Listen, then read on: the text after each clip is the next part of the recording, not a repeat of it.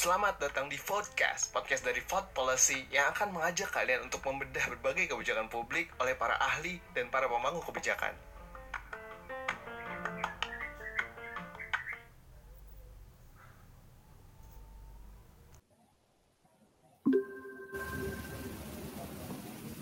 Baik, uh, selamat malam semuanya teman-teman, para seluruh uh, pemirsa, pendengar setia podcast dari Ford Policy.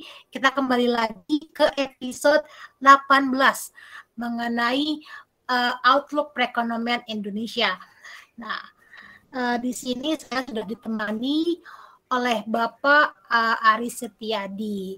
Nah, di sini Bapak Aris ini adalah seorang acting head of financial system stability assessment and policy division 3 at Ministry of Finance dan juga uh, pengajar ya Pak ya di PK, uh, PKN yeah. STAN ya Pak betul.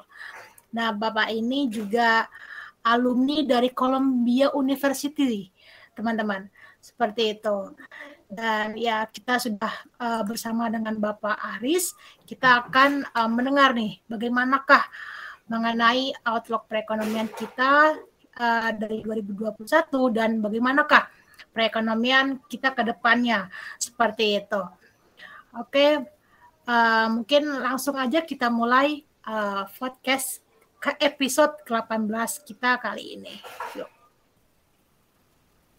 Oke, tadi podcast sudah dibuka dengan apik banget ya oleh kawan saya Tarisha. Tapi kali ini saya sebagai co-host ya atau host magang gitu di podcast ini bakalan mengajukan pertanyaan pertama ke Pak Aries nih. Jadi yang pertama itu sebenarnya bagaimana sih Pak review perekonomian kita sepanjang 2021 ini?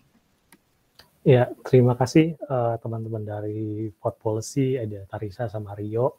Senang sekali sudah diundang untuk sharing uh, update dari perekonomian Indonesia gitu ya. Uh, karena kita baru saja melewati tahun 2021, kita coba review singkat dulu ya 2021 tuh kayak gimana gitu. Karena sebenarnya kita masih berada di dalam periode pandemi COVID-19 gitu kan. Nah, di mana di tahun 2020 kita ekonominya sampai sempat minus 5,32 gitu ya di uh, kuartal 2 2020 dan di tahun 2021 ini sudah ada pemulihan gitu, tren di mana di sebelumnya dari tahun 2020 kuartal 2 sampai dengan 2021 kuartal 1 itu pertumbuhannya terkontraksi terus.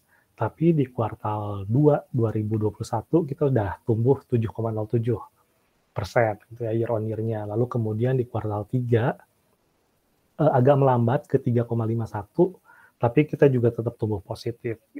Nah, nanti sekitar awal Februari kita akan lihat eh, BPS akan merilis data pertumbuhan ekonomi di tahun 2021 secara keseluruhan dan juga uh, kuartal 4 di tahun 2021. Harapannya tentu masih tetap positif dan kelihatannya sih kalau melihat berbagai indikator masih akan tetap positif. Karena kalau kita lihat gitu contohnya ekspor impor Indonesia neraca perdagangan kita tuh surplus 20 bulan berturut-turut dan bahkan uh, surplus sepanjang tahun 2021 itu sekitar 35,34 miliar dolar Amerika itu yang tertinggi dalam satu dekade terakhir. Jadi kita lihat kinerjanya juga baik.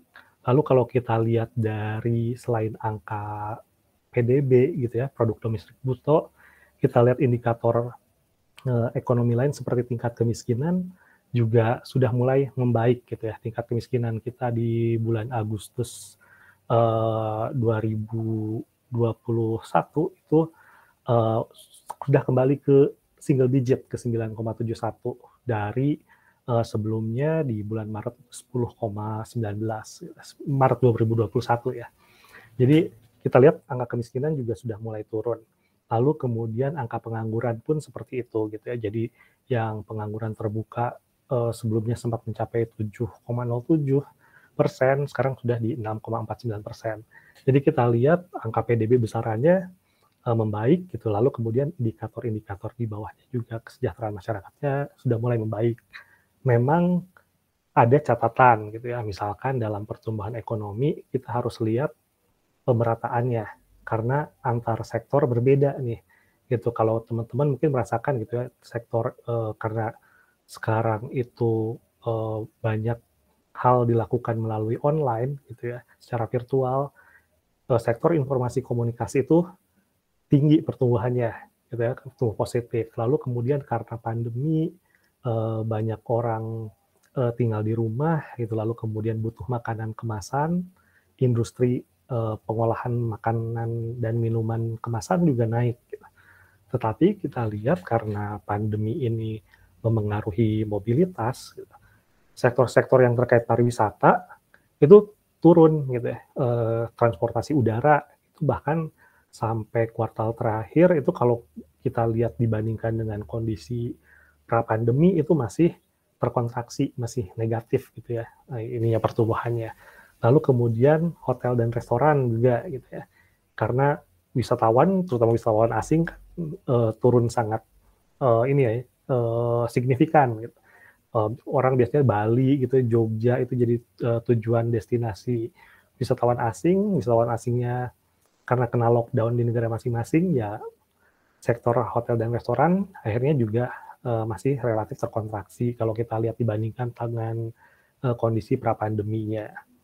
Nah, tapi kita lihat balik lagi ya, ada tren pemulihan gitu kalau kita lihat secara makro. Hanya saja kita perlu melihat uh, secara detail bagaimana supaya pemulihan ini juga berjalan di semua sektor, lalu kemudian semua orang juga uh, tidak ada yang ketinggalan gitu ketika pemulihan ekonomi ini. Jadi tadi tingkat kemiskinannya memang belum kembali ke uh, level pra, pandemi gitu, gitu pula dengan tingkat penganggurannya. Tetapi kita berada di uh, track yang benar gitu, on the right track. Seperti itu Rio, Larissa. Oke, betul. Dan tadi Bapak juga udah menyinggung ya, maksudnya udah menjelaskan nih bahwasannya perekonomian kita tuh mengalami fluktuasi Pak ya selama pandemi ini ya, sampai kontraksi terdalam, terus kemudian juga mengalami perbaikan lagi di tahun-tahun berikutnya. Eh, maksudnya di periode berikutnya gitu. Nah, terus uh, selanjutnya nih Pak yang saya ingin tanyakan adalah Bagaimana sih Pak strategi yang saat itu digencarkan oleh pemerintah untuk memulihkan perekonomian Indonesia gitu Pak? Ya, kalau kita lihat uh, trajektorinya kan kita mulai uh, krisis pandemi COVID ini di 2020 ya. Pada saat itu pemerintah banyak mengeluarkan kebijakan yang tujuannya adalah bagaimana menangani COVID itu sendiri gitu ya. Kita dulu ada uh, masyarakat supaya mobilitasnya terbatas itu dibuat uh, PSBB gitu ya uh, supaya nggak penularannya lebih lebih lebih terjaga gitu. Lalu kemudian uh, di tahun 2021 ketika ekonominya sudah mulai agak naik gitu pemerintah uh, selain juga masih menangani kesehatan juga sudah mulai banyak uh, menambah porsi untuk pemulihan ekonomi itu dari mulai uh, uh, dan yang melakukan juga Eh, berbagai otoritas ya tidak hanya pemerintah ada Bank Indonesia lalu kemudian ada juga OJK gitu ya di sisi pemerintah kalau mungkin teman-teman uh, mengikuti gitu ya ada yang namanya program pemulihan ekonomi nasional atau PEN gitu ya uh, pemerintah tuh bahkan sampai mengucurkan dana sampai di 2020 uh, satu itu sebesar berapa ya kemarin uh, 658 triliun. Gitu. Jadi ada banyak program uh, di pemerintah mulai dari uh, yang tujuannya untuk menangani kesehatan, lalu kemudian untuk menjaga daya beli masyarakat, gitu kan? Karena tadi mobilitasnya ditahan, masyarakat nggak bisa kerja, jadi sebagian orang kan ada yang kehilangan pekerjaan atau pendapatan uh, penghasilannya menurun gitu. Jadi ada bantuan sosial dari pemerintah gitu ya. Uh, ada yang bantuan sosial non tunai, lalu kemudian ada bantuan untuk UMKM gitu. Lalu kemudian ada kartu prakerja gitu. Mungkin kalau teman-teman yang masih kuliah gitu ya uh, mengikuti juga gitu.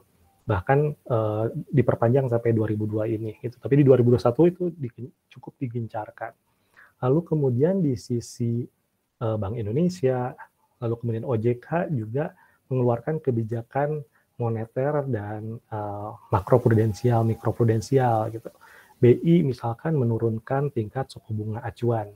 BI 7 days repo rate tujuannya supaya uh, tingkat suku bunga kredit itu lebih rendah.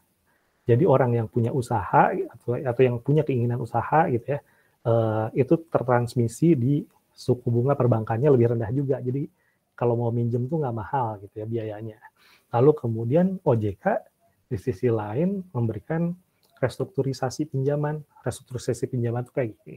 Misalkan ada orang yang udah punya pinjaman gitu ya, uh, karena pandemi kan tadi usahanya bisa jadi turun omsetnya atau tutup gitu ya.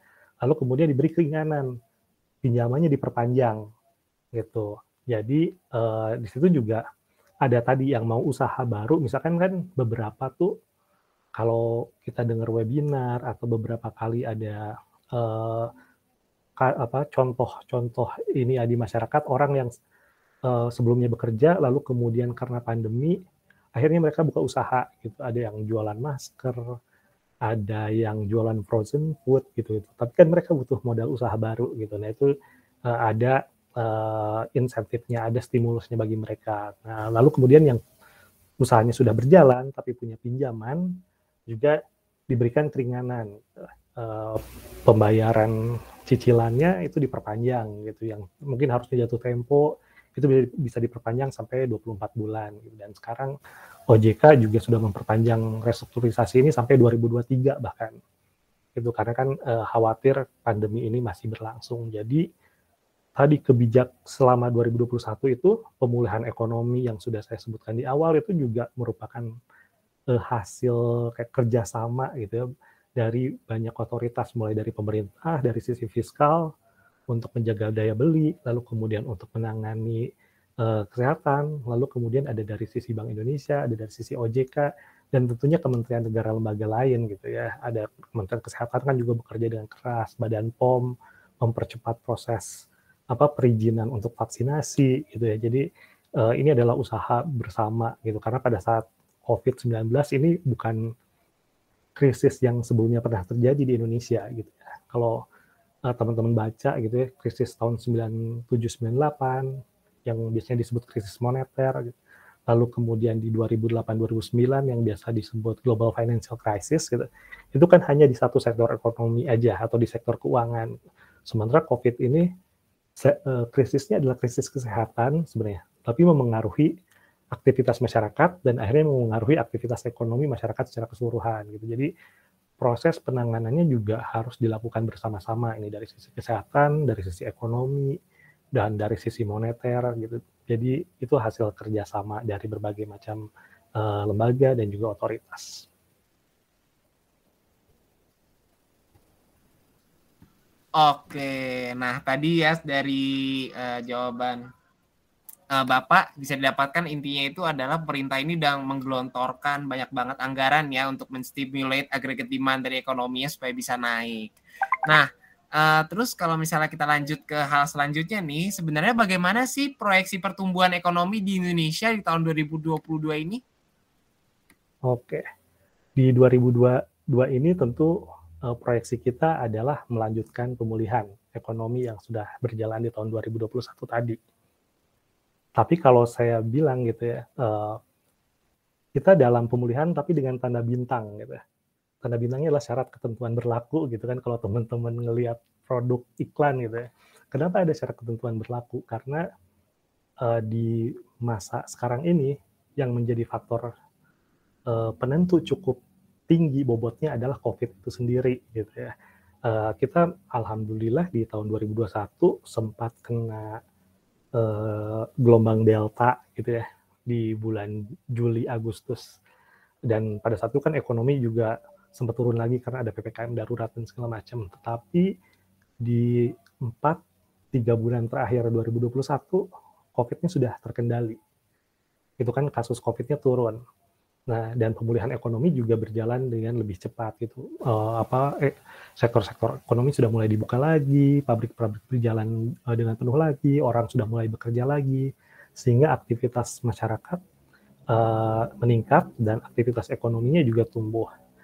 Tapi gitu kan, kita lihat sekarang ada uh, varian Omikron nih yang di beberapa negara gitu ya di di Amerika di Eropa tuh sudah me, bahkan melewati uh, kasus uh, Delta sebelumnya gitu ya dan di Indonesia gitu ya dalam beberapa hari terakhir ini juga kenaikan kasus hariannya juga udah mulai naik lagi ke angka seribuan lebih gitu kan. Jadi kita juga harus uh, tetap waspada dengan COVID ini. Nah, tapi kalau dengan asumsi bahwa COVID itu bisa dikendalikan, gitu ya, kita harapannya kan kita udah belajar tuh dari kasus 2020, 2021. Jadi uh, pemerintah, masyarakat juga sudah bisa beradaptasi gitu dengan COVID Lalu di sisi lain juga vaksinasi kita sudah berjalan, gitu ya. bahkan kita sekarang uh, sejak 12 Januari meluncurkan booster gitu ya, vaksin ketiga bagi non tenaga kesehatan. Karena kan kalau tenaga kesehatan sudah berjalan dari tahun lalu gitu ya untuk untuk vaksin boosternya. Nah dengan uh, tadi vaksinasi lalu kemudian COVID terkendali, masyarakat dan pemerintah sudah mulai paham bagaimana gitu ya uh, membuka dan menutup aktivitas ekonomi menangani COVID. Dan di saat yang bersamaan gitu tadi dari sisi ekonomi gitu dari tahun 2021 dalam uh, dua kuartal terakhir sudah mulai pulih nih. Jadi harapannya bareng-bareng nih sektor kesehatannya baik gitu ya COVID-nya terkendali ekonominya juga juga sudah mulai pulih jadi harapannya di tahun 2022 ekonominya bisa tumbuh positif di semua kuartal gitu dan kemudian uh, tidak hanya positif secara agregat gitu, tapi juga ada sektor-sektor yang tadi tertinggal gitu ya seperti angkutan udara, lalu kemudian hotel dan restoran gitu, salah duanya gitu ya. Itu juga bisa bangkit juga gitu. Jadi istilahnya no left behind gitu dengan uh, pemulihan ekonomi yang berjalan di tahun 2020, 2022 ini. Lalu kemudian tadi dengan tingkat aktivitas masyarakat yang sudah membaik uh, dengan COVID terkendali, itu juga harapannya orang sudah mulai bisa bekerja kembali gitu dan tingkat penyerapan tenaga kerja juga uh, meningkat gitu karena kalau kita uh, bicara uh, pengangguran dan ketenaga kerjaan gitu dengan adanya COVID ini ada dua hal yang harus kita perhatikan. Pertama adalah orang yang menganggur karena COVID gitu ya karena usahanya tutup atau uh, di PHK gitu dan sampai sekarang belum mendapatkan pekerjaan. Di sisi lain kita setiap tahun itu ada tambahan angkatan kerja baru gitu ya teman-teman yang baru lulus kuliah gitu. Nah mereka kan juga butuh lapangan pekerjaan. Jadi kalau ekon pemulihan ekonominya ini tidak berlangsung dengan cepat, orang yang menganggur masih menganggur, sementara orang yang baru lulus kuliah uh, atau lulus dari tingkat pendidikannya itu nggak dapat pekerjaan, nanti penganggurannya bisa tambah tinggi. Gitu kan. Jadi uh, di tahun 2002 ini, 2002 ini harapannya gitu ya, dan juga uh, pemerintah dan juga berbagai otoritas, kementerian negara dan lembaga tentu akan berusaha lagi nih bagaimana tadi kalau istilah Rio bilang meningkatkan agregat demand gitu permintaannya supaya naik lagi gimana gitu. Itu tentu ada stimulus gitu kan. Ada stimulus dari sisi pajak gitu lalu kemudian ada uh, program perlindungan sosial yang terus berjalan gitu. Lalu kemudian proses pengendalian inflasi gitu. Kalau teman-teman baca berita dalam uh, dua tiga hari terakhir ini kan juga pemerintah sudah mulai uh, mensosialisasikan harga minyak gitu yang lebih rendah gitu. Karena kan kemarin harga minyak tinggi itu padahal uh, minyak ini diakses oleh semua golongan masyarakat gitu. Jadi supaya inflasinya terkendali, daya beli masyarakat terjaga, juga pemerintah mulai melihat gitu eh, kebijakan-kebijakan yang lebih taktis, yang lebih strategis untuk menangani uh, dan juga meningkatkan pemulihan ekonomi. Dan ke depannya pemerintah juga kalau teman-teman baca di uh, APBN 2022 gitu juga sudah mulai merencanakan berbagai program dan kegiatan yang tujuannya tadi untuk meningkatkan agregat demand-nya gitu ya uh, dari sisi permintaan, tetapi juga bagaimana dari sisi produksi juga meningkat gitu ya melalui uh, uh, insentif-insentif dan juga stimulus untuk dunia usaha seperti itu. Oke, baik Pak. Nah, kemudian tadi kan kita juga udah dengar ya Pak ya, bahwasannya pemerintah memproyeksikan akan terjadi perbaikan ekonomi ya di kuartal uh, berbagai kuartal di tahun 2022 ini. Nah, namun bagaimana nih Pak? Uh, apakah dari proyeksi kenaikan tersebut adakah sih apakah ada gitu tantangan gitu uh, apa namanya untuk menumbuhkan perekonomian Indonesia gitu? Bagaimana Pak? Tuh, Uh, jadi kembali lagi tadi dari syarat dan ketentuan berlaku. Itu pertama COVID-nya harus bisa dikendalikan karena ini kan jadi faktor penentu uh, banget gitu ya untuk COVID ini. Kedua, kita juga sekarang dihadapkan pada uh, tantangan dari sisi global dan juga dari sisi domestik. Tantangan global, uh, misalkan salah satunya adalah uh, tapering dari the Fed gitu kan bagaimana Bank Sentral Amerika yang sebelumnya menggelontorkan banyak stimulus dan sebagian dari stimulus itu lari gitu ya atau masuk aliran uh, uangnya ke negara-negara berkembang seperti Indonesia bisa jadi ini akan kembali lagi ke Amerika gitu. Padahal di Indonesia tadi masih butuh uh, aliran dana untuk pemulihan ekonomi dan juga sektor keuangan gitu. Jadi ini bisa jadi tantangan. Uh, apakah nanti misalkan ketika pemerintah menerbitkan uh, surat berharga negara itu tingkat permintaannya bisa jadi lebih turun, gitu kan? Uh, kalau kita melihat potensi risiko, lalu kemudian di pasar modal aliran yang masuk juga bisa jadi lebih turun, gitu kan? Seperti itu. Uh, kita berharap tentu itu tidak tidak terjadi, tapi kita tetap harus mewaspadai. Gitu. Ya. Lalu kemudian uh, tantangan dari luar yang lain adalah uh, Cina perlambatan ekonominya gitu. Karena kan kemarin juga ada isu uh, gagal bayar utang untuk di sektor properti Cina gitu. Jadi perekonomian Cina juga melambat. Kenapa kalau perekonomian Cina melambat uh, menjadi resiko bagi Indonesia? Karena Cina ini adalah mitra dagang Indonesia yang paling tinggi Gitu. Jadi ketika ekonomi Cina melambat, permintaan barang dari Indonesia juga turun, ya Indonesia akan terkena dampaknya. Gitu. Itu salah dua dari contoh uh, resiko di global gitu yang menjadi tantangan di tahun 2022 ini. Tentu masih ada banyak hal lain gitu ya. Uh, semikonduktor gitu yang harganya naik, lalu kemudian proses apa kelangkaan kontainer sehingga proses ekspor impor juga jadi berjalan lebih mahal gitu ya. Karena uh, dengan pandemi ini kan ada beberapa kontainer yang tertahan di negara lain gitu karena negaranya lockdown misalkan. Itu akhirnya jadi uh, ketika Indonesia mau mengekspor barang harganya jadi mahal gitu. Dan orang kan jadi pembelinya lebih ber, lebih berkurang gitu. Uh, kemudian dengan COVID di negara-negara lain gitu misalnya di Eropa di Amerika yang meningkat lagi itu juga akan menurunkan permintaan misalkan produk ekspor dari Indonesia. Jadi itu jadi, jadi resiko gitu ya. Nah, itu dari sisi global. Lalu bagaimana dari sisi domestik? Tadi kita uh, lihat bahwa di sisi domestik kan masih ada orang yang atau punya usaha yang terkena dampak dari pandemi gitu karena pandeminya belum belum benar-benar beres nih gitu sehingga mereka juga punya potensi misalkan uh, sektor usaha tertentu yang masih terkena dampak pandemi dalam jangka panjang ini gitu ya dua tahun ini gitu ya uh, dari 2020 dan mereka belum bisa bangkit uh, utang-utang mereka kan bisa jadi tidak terbayar gitu ya. Jadi likuiditas mereka berkurang. Dan itu bisa menyebabkan uh, tingkat gagal bayar di perbankan yang meningkat gitu. Kalau istilahnya teman-teman mungkin belajar teorinya NPL gitu non performing loan-nya gitu. Nah saat ini NPL ini ditahan oleh OJK melalui restrukturisasi tadi gitu kan pinjamannya diperpanjang gitu. Jadi yang orang belum bisa uh, bayar utangnya ya uh, pembayarannya jadi lebih sedikit atau bahkan ditunda gitu. Tetapi kalau kita tunda terus kan bank juga uh, mungkin tidak tidak mau gitu ya. Jadi uh, bisa jadi di satu titik tertentu uh, pinjamannya jadi uh, yang tidak tertagih jadi meningkat, jadi NPL beneran gitu.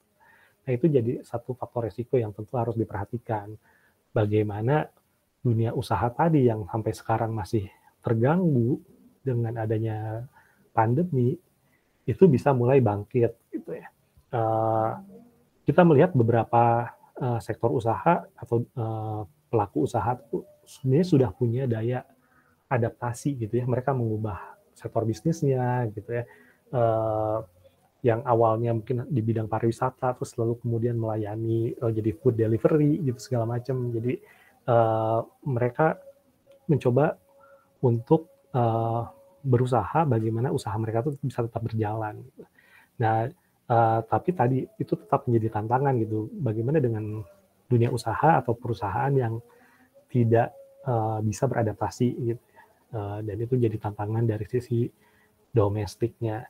Dan uh, dari tantangan uh, luar negeri tadi gitu ya dari global maupun dari sisi domestik uh, tentu perlu menjadi perhatian bagi pemerintah dan juga otoritas. Bagaimana resiko-resiko tadi itu tidak tidak terrealisasi gitu ya. Melalui insentif uh, ataupun melalui stimulus gitu ya. Bagaimana misalkan pemerintah bisa memberikan uh, penjaminan gitu ya. Bagi pinjaman-pinjaman uh, yang yang ada itu lalu kemudian tadi ada pinjam apa uh, stimulus pajak gitu supaya uh, pembayaran untuk yang UMKM misalkan jadi lebih ringan gitu atau bahkan ditanggung oleh pemerintah gitu kan bagi UMKM yang di bawah 500 juta kan sekarang uh, ini ya PPH finalnya ditanggung oleh pemerintah gitu. jadi uh, ada berbagai upaya yang dilakukan oleh pemerintah juga untuk mengatasi gitu ya tantangan uh, yang berpotensi terjadi di tahun 2022 ini dengan harapan ekonominya tadi melanjutkan pemulihan dan pemulihannya lebih cepat lagi supaya uh, tadi kelompok masyarakat dan juga kelompok dunia usahanya juga bisa terus uh, pulih juga Oke, nah mungkin kita langsung ke pertanyaan terakhir nih ya. Jadi sebenarnya ini Pak ya, ada nggak sih kebijakan khusus yang dijadikan dijadikan pemerintah sebagai alat untuk mengatasi berbagai hambatan dan tantangan yang Bapak sebutkan sebelumnya? Ya, tentu ada gitu ya. Eh, program pemulihan ekonomi yang tadi PEN itu juga masih akan berjalan di tahun 2022.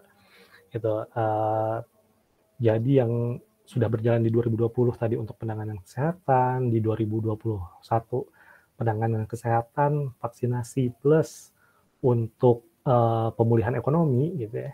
Nah, di 2022 juga akan terus berjalan terutama untuk menum, selain untuk tentu masih pemulihan gitu ya, juga menumbuhkan uh, tingkat uh, lapangan pekerjaan uh, dan dunia usaha supaya tadi dunia usaha, ekonominya tumbuh, uh, dunia usahanya juga pulih, dan masyarakat tadi yang uh, apa masih menganggur itu juga bisa kembali bekerja.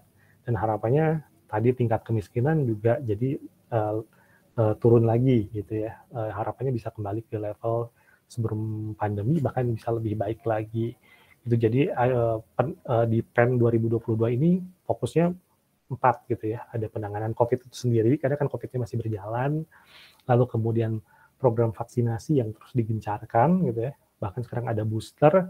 Uh, lalu kemudian ada program perlindungan sosial yang tadi ada masih ada uh, kartu prakerja gitu ya, bantuan uh, langsung non tunai gitu ya. Lalu kemudian insentif untuk uh, usaha mikro dan juga UMKM Lalu kemudian ada penguatan untuk dunia usaha supaya sektor-sektor usaha yang sudah tumbuh tadi misalkan industri uh, infocom, lalu kemudian uh, industri uh, pengolahan makanan dan minuman itu tambah maju gitu ya, tambah uh, uh, tumbuhnya bisa jadi lebih cepat. Di sisi lain uh, sektor usaha yang tadi masih tertinggal gitu ya, itu juga bisa ikut pulih gitu supaya pemulihan ekonominya tuh bisa berjalan bersama-sama.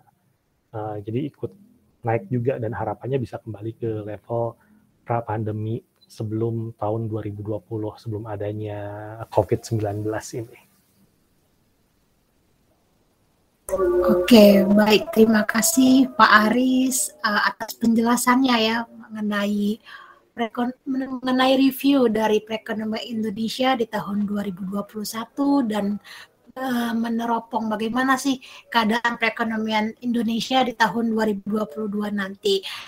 Nah, teman-teman mungkin kita sudah berada di ujung penghujung uh, acara. Mari uh, terima kasih kepada Pak Aris atas uh, sudah meluangkan waktunya mengisi uh, podcast kita di episode 18 ini. Uh, saya Tarisha Yuliana sebagai host dari podcast dan Rio sebagai host magang di sini. ya, uh, kami pamit undur diri dan jangan lupa untuk mendengarkan podcast podcast episode berikutnya. Terima kasih. Bye. Terima kasih Tarisa Rio. Mas Aris